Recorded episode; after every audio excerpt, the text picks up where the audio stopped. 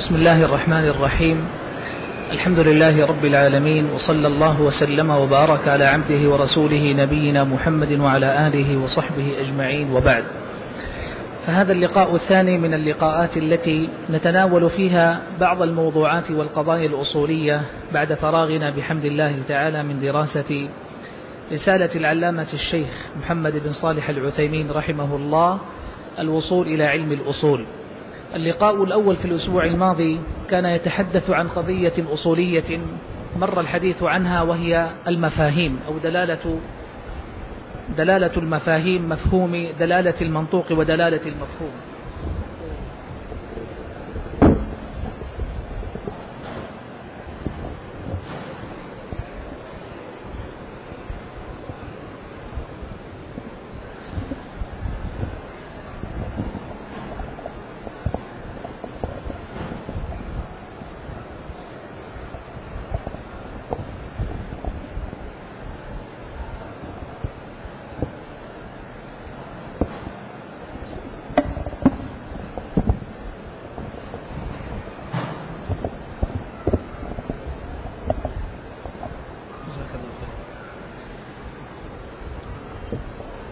كان الحديث في لقاء الأسبوع الماضي عن دلالة المفاهيم مفهوم الموافقة ومفهوم المخالفة وجملة ما يقرره الأصوليون في هذا الباب مع قراءة ما ساقه الإمام الشوكاني رحمه الله في إرشاد الفحول. اللقاء الليلة يتناول موضوعا أصوليا آخر هي مسألة من مسائل الأصول في مذهب الإمام مالك رحمه الله ويعتبر أحد مسائل المالكية المختصة بهم في علم الأصول. وحتى يتبين موضعها نحن نتحدث عن الاحتجاج بعمل أهل المدينة وربما سماه المالكية إجماع أهل المدينة. دعونا نبدأ بمقدمة ترتبط بما درسناه في باب الإجماع في رسالة الأصول. الإجماع كما مر بكم دليل شرعي معتبر وحجة حجة يوليها الأصوليون اهتماما كبيرا من حيث إنه دليل. فإذا أجمع المسلمون على حكم شرعي أجمع علماء المسلمين على حكم شرعي فأصبح حجة ودليلا يستدل به. من هذا الباب يتغلم الأصوليون عن جملة من أنواع الإجماع. فيتحدثون عن الإجماع السكوتي والفرق بينه وبين الصريح كما مر بكم الإشارة إليه في ذلك الباب. من جمل مسائل الإجماع حديثهم عن إجماع أهل المدينة. إذا هو لون خاص أو صورة من صور الإجماع يذكرها الأصوليون. قبل أن نتكلم عن المسألة وتقريرها في مذهب الإمام مالك رحمه الله من الجيد أن تتصور الخلاف الدائرة في كتب الأصول تجاه هذه القضية. عادة يتحدث الأصوليون عن إجماع أهل المدينة باعتباره صورة من صور الإجماع الضعيف الذي لا يصح الاحتجاج به. مرة أخرى يتناول الأصوليون مسألة إجماع أهل المدينة ضمن مسائل الإجماع باعتباره صورة من صور الإجماع الضعيف الذي لا ينبغي الاحتجاج به ووجه ضعفه أنه لا يمثل الإجماع حقيقة لأن الإجماع هو إجماع الأمة كافة أو علماء الأمة كافة فلا وجه لتخصيص ناحية أو فئة أو زمن ويعتبر إجماع أهله حجة على من سواهم. إنما يتكلمون عن إجماع أهل الإسلام وعلمائه قاطبة في زمن من الأزمان على حكم شرعي. هذا الحجة. فلا وجه لتخصيصه بأهل مدن بأهل بلد كالمدينة. ولهذا فإنهم في بعض كتب الأصول الموسعة إذا ما فرغوا من حديثهم عن إجماع أهل المدينة وضعفوه ونصروا القول بعدم الاحتجاج به يعقبونه بمسألة إجماع أهل مكة وأنه مثله في عدم صحة الاحتجاج به. ثم إجماع أهل البصرة وأهل الكوفة باعتبارها معقل العلماء في فترة من الفترات وأيضا أنها ليست حجة ولا يجوز الاحتجاج بإجماعهم.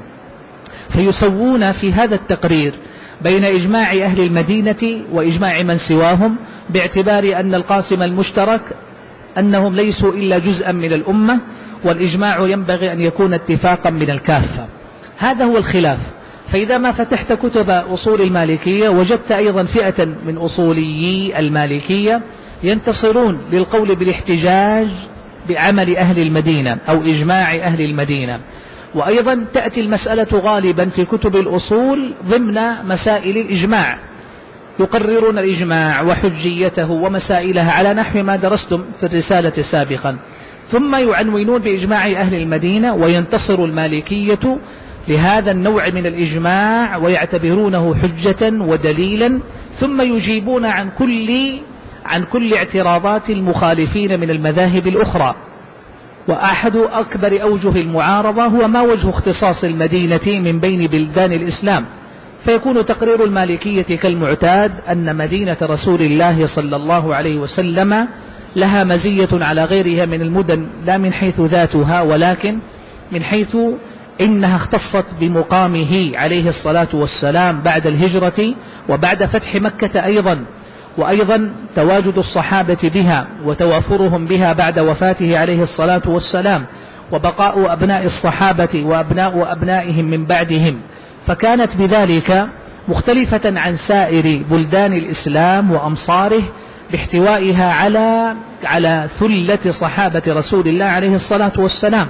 وعندئذ إذا ما تحقق الإجماع فيهم وصدرت المسألة عن اتفاق علمائهم فإنه أقوى وأولى وأهم وأحرى من إجماع غيرهم من أهل البلدان التي لا يوجد فيها من الصحابة إلا الآحاد. فإن قيل إن بعض الصحابة قد خرجوا من المدينة أيام الفتوحات واستقر بعضهم بالبصرة وآخرون بالكوفة وغيرهم بالشام ومصر ونحوها فكون الجواب عند المالكية أن هذا عدد يسير. لكن الأغلب والأعظم وال وال والأكثرية من الصحابة لم, لم يزالوا بالمدينة فيعتبرون إجماعهم حجة من هذا القبيل. التوسط في المسألة وهو ما حرره محقق المالكية هو الصواب بمعنى أنهم لا يرون إجماع أهل المدينة جملة حجة ودليلا معتبرا ولا يرفضونه أيضا جملة لكن الصواب أن مذهب الإمام مالك رحمه الله في هذه المسألة يتحرر في احتجاجه واستدلاله بعمل أهل المدينة فيما كان سبيله النقل. النقل المأثور عن زمن النبوة إلى من بعده. يعني يحتج الإمام مالك رحمه الله بالشيء الذي ينقل رواية وأنه موجود من زمن النبوة. كما احتج على القاضي أبي يوسف احتج الإمام مالك رحمه الله في مناظرته للقاضي أبي يوسف رحمه الله وهو أكبر تلامذة الإمام أبي حنيفة رحمه الله. آه، وكان بينهما مناظرة في مجلس الرشيد هارون الرشيد. فاحتج الإمام مالك على احتجاجه بالصاع بمقدار الصاع النبوي المنقول عندهم بالمدينة وأن هذا المقدار ينبغي الاحتكام إليه. وأن تفاوت المقادير من بلد إلى بلد ينبغي أن يكون مرجعه إلى صاع أهل المدينة. والحجة عنده في ذلك أنه الصاع الذي تناقله أهل المدينة جيلا بعد جيل متصلا إلى زمن رسول الله صلى الله عليه وسلم دون اختلاف. فينبغي أن يكون هذا هو الفيصل وهذا الصاع الذي كان بين يدي رسول الله عليه الصلاة والسلام وتوزن به المقادير الواجبة في الزكوات والكفارات ونحوها. واحتج به رحمه الله فقبل أبو يوسف احتجاج مالك في هذه المسألة وصار إلى قوله تاركا قول إمامه أبي حنيفة رحم الله الجميع. يقولون فما كان من هذا القبيل فيما ينقل من عمل أهل المدينة مأثورا برواية متصلة إلى زمن النبوة هو الحجة عندهم.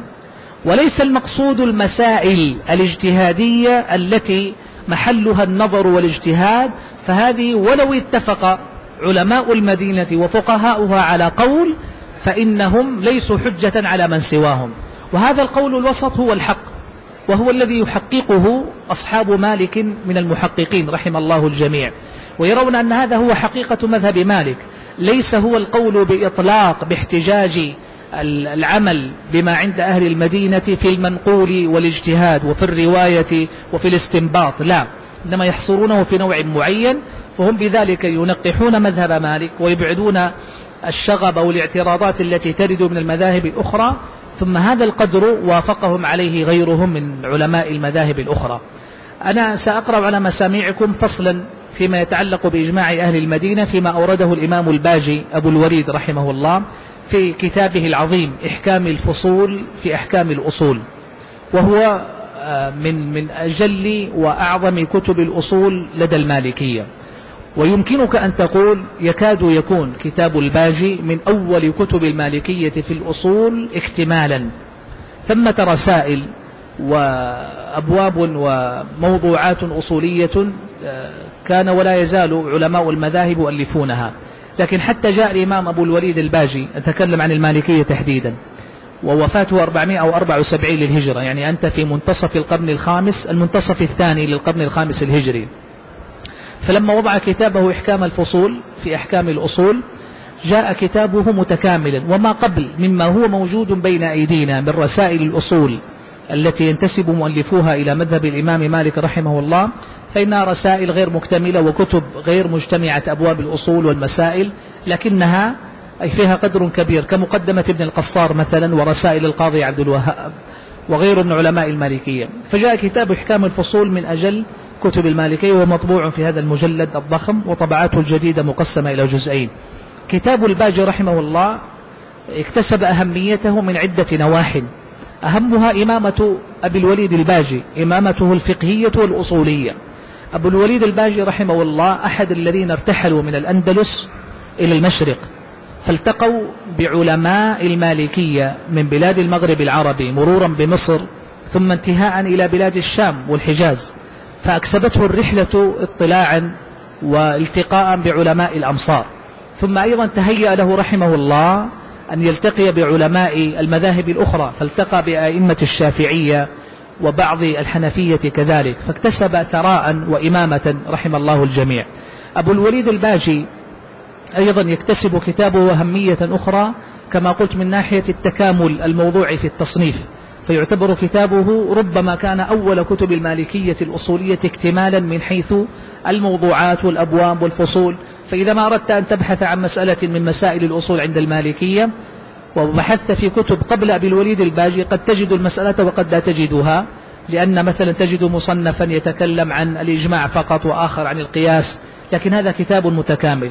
ما بعد أبي الوليد الباجي جاءت عدد من المؤلفات فيعد بهذا سبقا لكتاب أبي الوليد الباجي. ميزة ثالثة تحريره للمسائل فإنه لا يكاد يورد مسألة إلا ويحقق فيها مذهب مالك رحمه الله. وهذه أهمية جلة في كتب مذاهب الأصول التي تنتسب إلى الآئمة. فإنه ما يكاد يمر بمسألة إلا وينقل قول مالك. فإذا اختلف النقل عن مالك عند أصحابه حرر ذلك أيضا. فينقل ما يقوله المشارقة العراقيون مثلا من أصحاب مالك والمصريون من أصحاب مالك.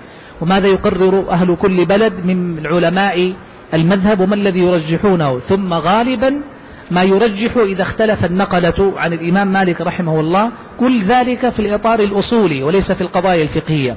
أبو الوليد الباجي كما قلت إمام أصولي فقيه تيسر له أن يحرر هذا الكتاب فأصبح عمدة عند المالكية ممن جاء بعده وهم ينقلون كثيرا عنه. ولهذا لما جاء لمسألة إجماع أهل المدينة أو الاحتجاج بعمل أهل المدينة حررها على نحو بديع رحمه الله. يقول رحمه الله فصل في ذكر إجماع أهل المدينة. هذا الفصل أين ورد؟ في أي باب؟ في باب الإجماع. وللتو فرغ رحمه الله من الاحتجاج حول مسألة الإجماع السكوتي. ولما انتهى منها قال فصل في ذكر إجماع أهل المدينة. يقول رحمه الله قد أكثر أصحاب مالك رحمه الله في ذكر إجماع أهل المدينة والاحتجاج به. وحمل ذلك بعضهم على غير وجهه فتشنع به المخالف عليه. وعدل عما قرره في ذلك المحققون من أصحاب مالك رحمه الله. إذا ويقرر من مطلع المسألة أن المسألة فيها شطط لدى بعض علماء المالكية وتقرير على نحو مبالغ وأن فيها تشنيعا لدى المذاهب الأخرى لأنها قررت عند بعض المالكية على نحو غير سديد فكان بذلك محلا للمخالفة وللتشنيع. ثم يقول رحمه الله وذلك أن مالكا إنما عول على أقوال أهل المدينة وجعلها حجة فيما طريقه النقل كمسألة الأذان وترك الجهر ببسم الله الرحمن الرحيم ومسألة الصاع وترك إخراج الزكاة من الخضروات وغير ذلك من المسائل التي طريقها النقل واتصل العمل بها في المدينة على وجه لا يخفى مثله ونقل نقلا يحج ويقطع العذر. كلام متين كلام متين. يحرر فيه ما الذي استند إليه الإمام مالك وجعله حجة عنده. تعرف ما معنى حجة؟ يعني يستدل الإمام مالك رحمه الله على من يخالفه من الفقهاء في هذه المسائل يقول هكذا وجدنا العمل عليه.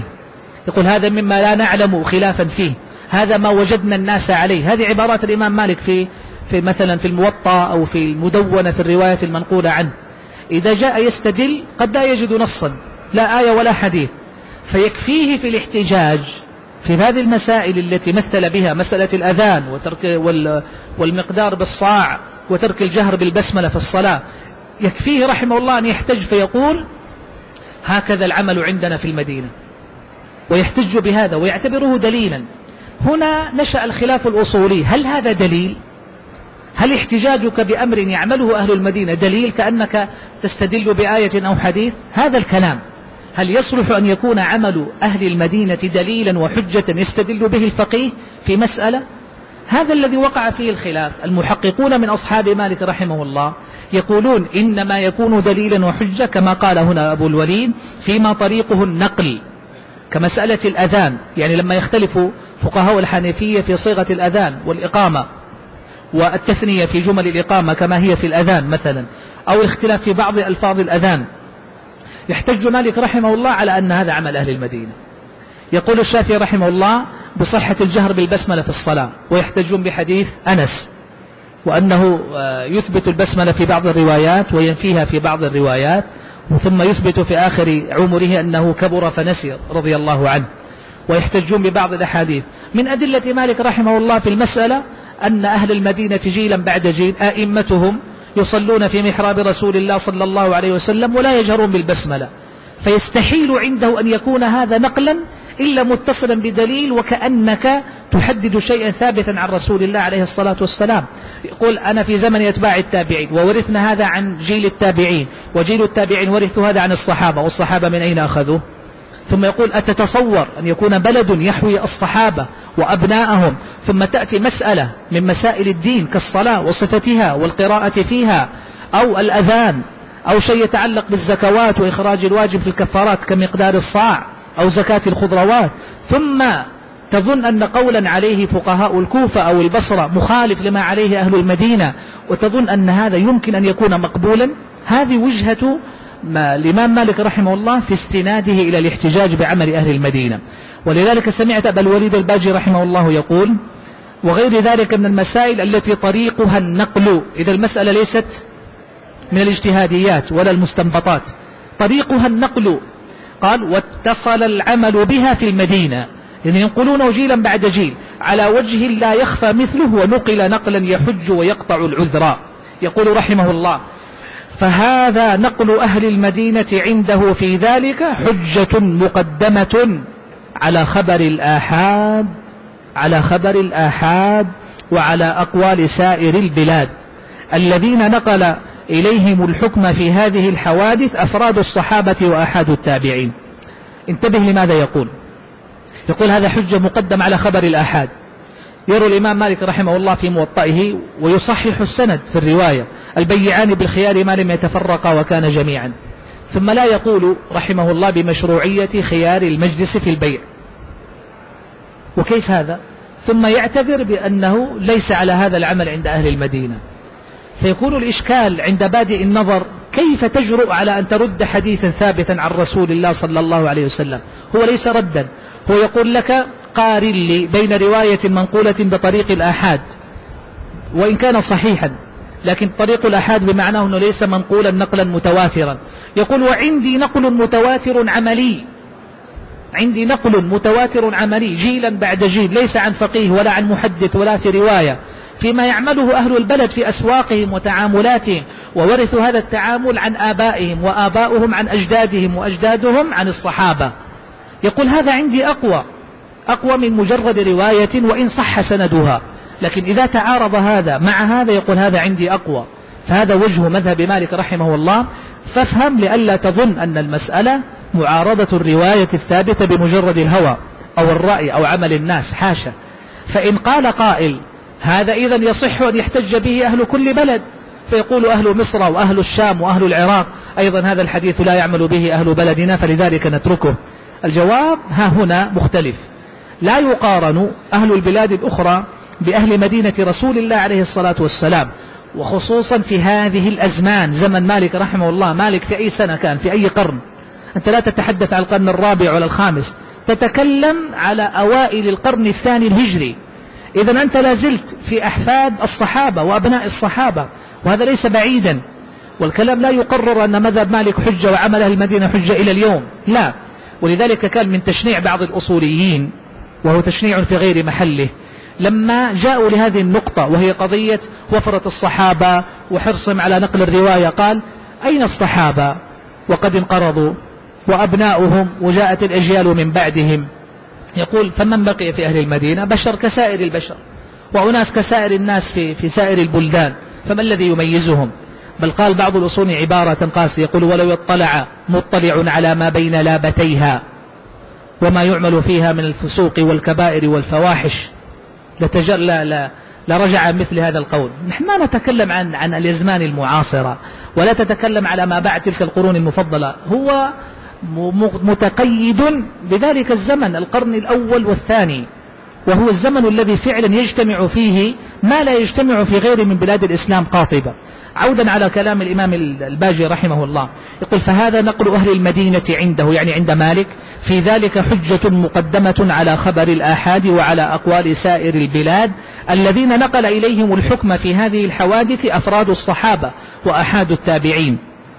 قال وقد سلم هذا أبو بكر الصيرفي يعني من الشافعية يعني وافقنا واقتنع بمثل هذا الاحتجاج. وخالف فيه بعض أصحاب الشافعي وأصحاب أبي حنيفة فقال بعضهم بنفي وجود هذا الخبر جملة وقد بينا وجوده وقال بعضهم ليس بحجة وإن وجد. قال رحمه الله والكلام معهم في وجه الاحتجاج به. الكلام مع من؟ مع المخالف. فاسمع كيف يحتج. يقول وذلك أنه إذا كان المؤذن يؤذن بالأمس على المأثور أذانا على صفة قد علم جميعهم أنه الأذان الذي فارقهم عليه النبي صلى الله عليه وسلم. ثم أذن من الغد مؤذن فأمسك الجميع عن الإنكار عليه والإخبار بأنه غير شيئا من الأذان. وهكذا جيلا بعد جيل. فإنه بمنزلة أن يقولوا إن هذا هو الأذان الذي أذن به بالأمس. أليس كذلك؟ عدم سكوت الجميع وعدم إنكار أهل البلد وفيهم صحابة وأبناء الصحابة ويقوم المؤذن يؤذن خمس صلوات في اليوم. ولا يقول أحد منهم أنت قلت جملة غير ثابتة في الأذان أو سمعنا شيئا جديدا أو تركت شيئا. ما لم يقولوا شيئا يقول فهو بمنزلة أن يقولوا يعني ننقل هذا كلاما صريحا إن هذا هو الأذان الذي أذن بالأمس. ولو قاله بعضهم أو نطق به الجزء الأول منهم لكان تواترا يقطع العلم به. يقول ولذلك وانظر إلى هذا الوجه اللطيف الآخر في الاستدلال. قال ولذلك من دخل المدينة ولا علم له بموضع قبر رسول الله صلى الله عليه وسلم فاسترشد عن المسجد والقبر فأرشده رجل أو اثنان. ما سأل كل أهل البلد قابل واحدا فأرشده رجل أو اثنان إلى القبر. ولم ينكر عليه أحد بمحضر جماعة من أهل المدينة وقع له العلم بأن الذي أرشده إليه هو قبر النبي صلى الله عليه وسلم ولو لم يقع العلم بذلك إلا لمن أخبره جماعة أهل المدينة لعدمه العالمون بذلك فإن هذا مما يتعذر وجوده.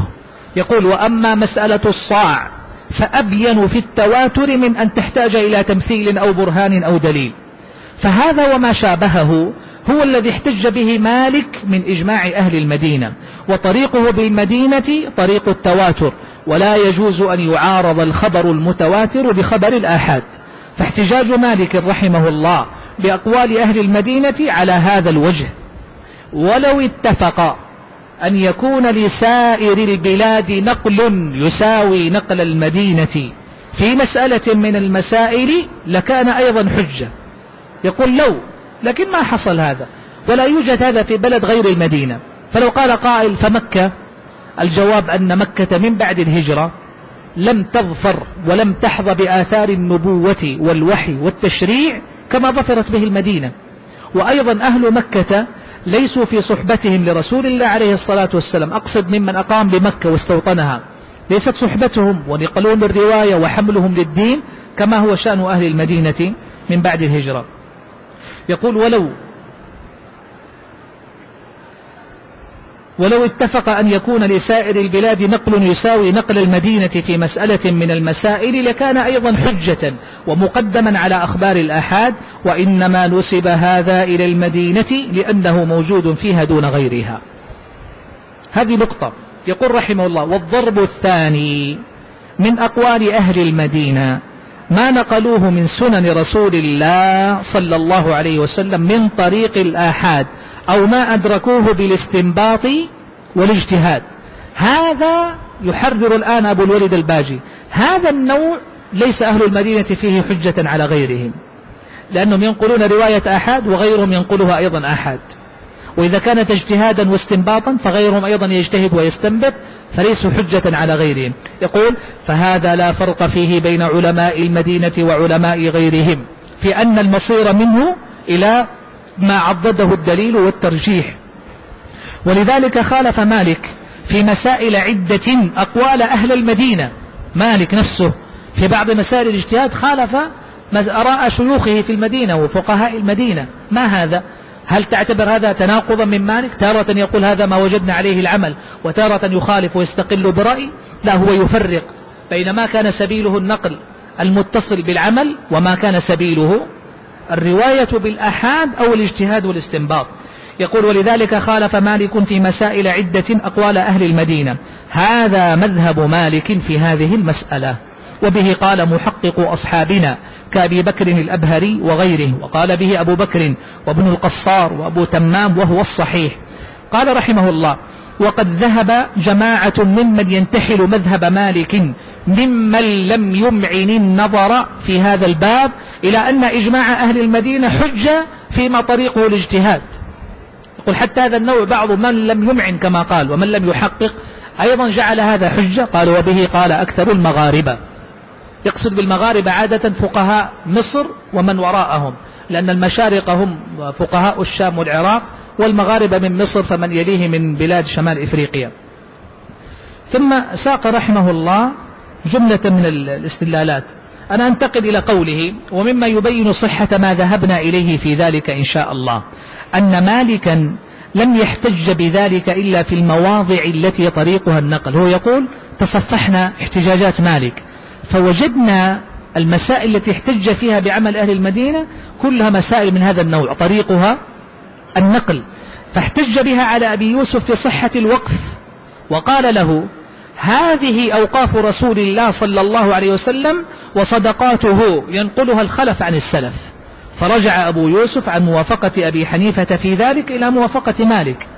ونظره في الصاع أيضا فاحتج عليه مالك بنقل أهل المدينة للصاع. وأن الخلف عن السلف ينقل أن هذا الصاع الذي كان على عهد رسول الله صلى الله عليه وسلم لم يغير ولم يبدل. فرجع أبو يوسف إلى مذهب مالك في ذلك. وناظر مالك بعض من احتج عليه في الأذان بأذان بلال بالكوفة. فقال مالك رحمه الله ما أدري ما أذان يوم ولا أذان صلاة. يعني تحتج علي بأذان سمعت من بلال في الكوفة هناك يوما أو يومين أو صلاة أو صلاتين. يقول مالك رحمه الله ما أدري ما أذان يوم ولا أذان صلاة. هذا مسجد رسول الله صلى الله عليه وسلم يؤذن فيه من عهده إلى اليوم. لم يحفظ عن أحد إنكار على مؤذن فيه ولا نسبته إلى تغيير. أرأيت كيف الاستدلال؟ ولهذا يقول الباجي وهذا لعمري من أقوى الأدلة. ومما لا يعارض بأخبار الآحاد لأن الأذان في مسجد رسول الله صلى الله عليه وسلم أمر متصل في وقت كل صلاة وأهل المدينة هم اليوم الذين كانوا بالأمس وعلموا صفة الأذان. فإذا أذن مؤذن اليوم ولم ينكر أحد أذانه ولا نسبه إلى تغيير علم ولا نسبه إلى تغيير علم أن أذانه اليوم كأذانه بالأمس. لأنه يستحيل أن يغير الأذان فيتفق العدد الكثير والجم الغفير على ترك الإنكار عليه. ولو جاز أن يتفقوا على ذلك شوف هذا أيضا من الإلزامات المفحمة. ولو جاز أن يتفقوا على ذلك يعني على حدوث تغيير وعدم إنكارهم لجاز أن يتفقوا على ترك التكذيب لمن بدل قبر رسول الله صلى الله عليه وسلم وغير مسجده وعدل بالناس إلى غيره وأخفى كثيرا من مذهبه. وإذا استحال ذلك استحال هذا أيضا. قال ويستحيل أيضا أن يتفق العدد الكثير والجم الغفير على نسيان الأذان من وقت صلاة إلى وقت صلاة.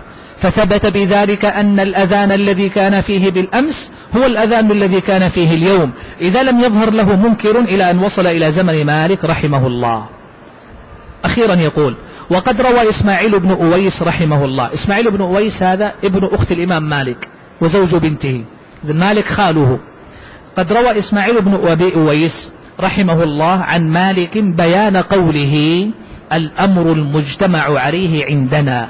هذه عبارة تجدها كثيرا عند مالك في الموطأ وفي بعض الروايات المدونة تأتي هذه في العبارات يقول الأمر المجتمع عليه عندنا. إسماعيل ابن أخت الإمام مالك سأل خاله عن هذه العبارة. أنت ماذا تقصد؟ الأمر المجتمع عليه عندنا. قال سأله فقال إسماعيل سألت خالي مالكا رحمة الله عليه عن قوله في الموطأ الأمر المجتمع عليه والأمر عندنا ففسره لي فقال أما قولي الأمر المجتمع عليه عندنا أي الذي لا اختلاف فيه فهذا ما لا اختلاف فيه قديما ولا حديثا. وأما قولي الأمر المجتمع عليه فهو الذي اجتمع عليه من أرضى من أهل العلم وأقتدي به. وإن كان فيه بعض الخلاف. وأما قولي الأمر عندنا وسمعت بعض أهل العلم فهو قول من أرتضيه وأقتدي به وما اخترته من قول بعضهم. هذه عبارات دقيقة واصطلاحات أبان فيها مالك رحمه الله عن مراده هو. فإذا قال الأمر المجتمع عليه عندنا فهذا أقوى ما يحتج به ويعتبره من نقل الجيل بعد الجيل. هذا معنى قول مالك دون لفظه وتنزيل مالك لهذه الألفاظ على هذا الوجه وترتيبها مع تقاربها في الألفاظ يدل على ما تجوزه في العبارة وأنه يطلق لفظ الإجماع وإنما يريد به ترجيح ما يميل إليه من المذهب. إلى أن قال في آخر جملتين على أنه لم يحفظ عنه من طريق ولا وجه. من يقصد؟ يقول غير أنه لم يحفظ عنه من طريق ولا وجه. أن إجماع أهل المدينة فيما طريقه الاجتهاد حجة عنده. يقول هذا ما نقل عن مالك ولم يحفظ ولم يروى عنه. فهو ينكر على متأخر أصحاب مالك تقرير هذا ونسبته إلى مالك. قال وقد يورد الفصل في كتابه وإن لم يكن قائلا به ولكن على معنى أن يورد أقاويل الناس وجمل الكلام. ختم بهذه الجملة رحمه الله ما أورده فيما يتعلق بإجماع أهل المدينة أو عمل أهل المدينة. جاء الأصوليون من بعد فمن وقف على هذا التحرير أقر به ورأى أنه الصواب الذي يسوغ فيه لمن يحتج به غير أن نقل بعض متأخري مالك إطلاق الاحتجاج بعمل أهل المدينة. فيما نقل رواية وفيما استنبط اجتهادا هو الذي هو الذي أقول قوى الخلاف بين المذاهب وجعل المسألة دائما ترد في كتب الأصول على وجه الرفض والاستبشاع والرد والإنكار. ولو اقتصروا على هذا القدر الذي حققه الباجي لكان كافيا وأظن سيكون أيضا مقبولا في الاحتجاج والنزاع. ولهذا فمن من من جميل رسائل شيخ الإسلام ابن تيمية رسالة لطيفة له سماها صحة صحة أصول أهل المدينة وبعضها تسميها صحة العمل أو صحة عمل أهل المدينة. رجح فيه رحمه الله أن هذا هو الصواب أن ما احتج به مالك من العمل من عمل أهل المدينة بهذا التحرير وبهذا التمثيل هو الصواب الذي لا ينبغي العدول عنه ورجحه في رسالة صغيرة مطبوعة مستقلة ومطبوعة ضمن مجموع الفتاوى.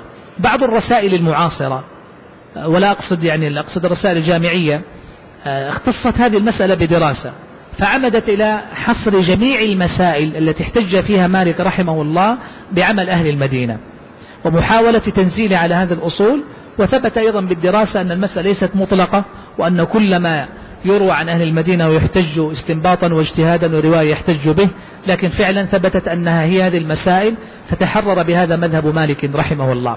كانت مسألة أردنا الوقوف عندها وقراءة ما ورد فيها عند محققي أحد محققي مذهب الإمام مالك رحمه الله. ونحن على هذا النحو سنستمر في اللقاءات المقبلة. نجتزئ مسألة من المسائل المشهورة في علم الأصول نريدها على وحو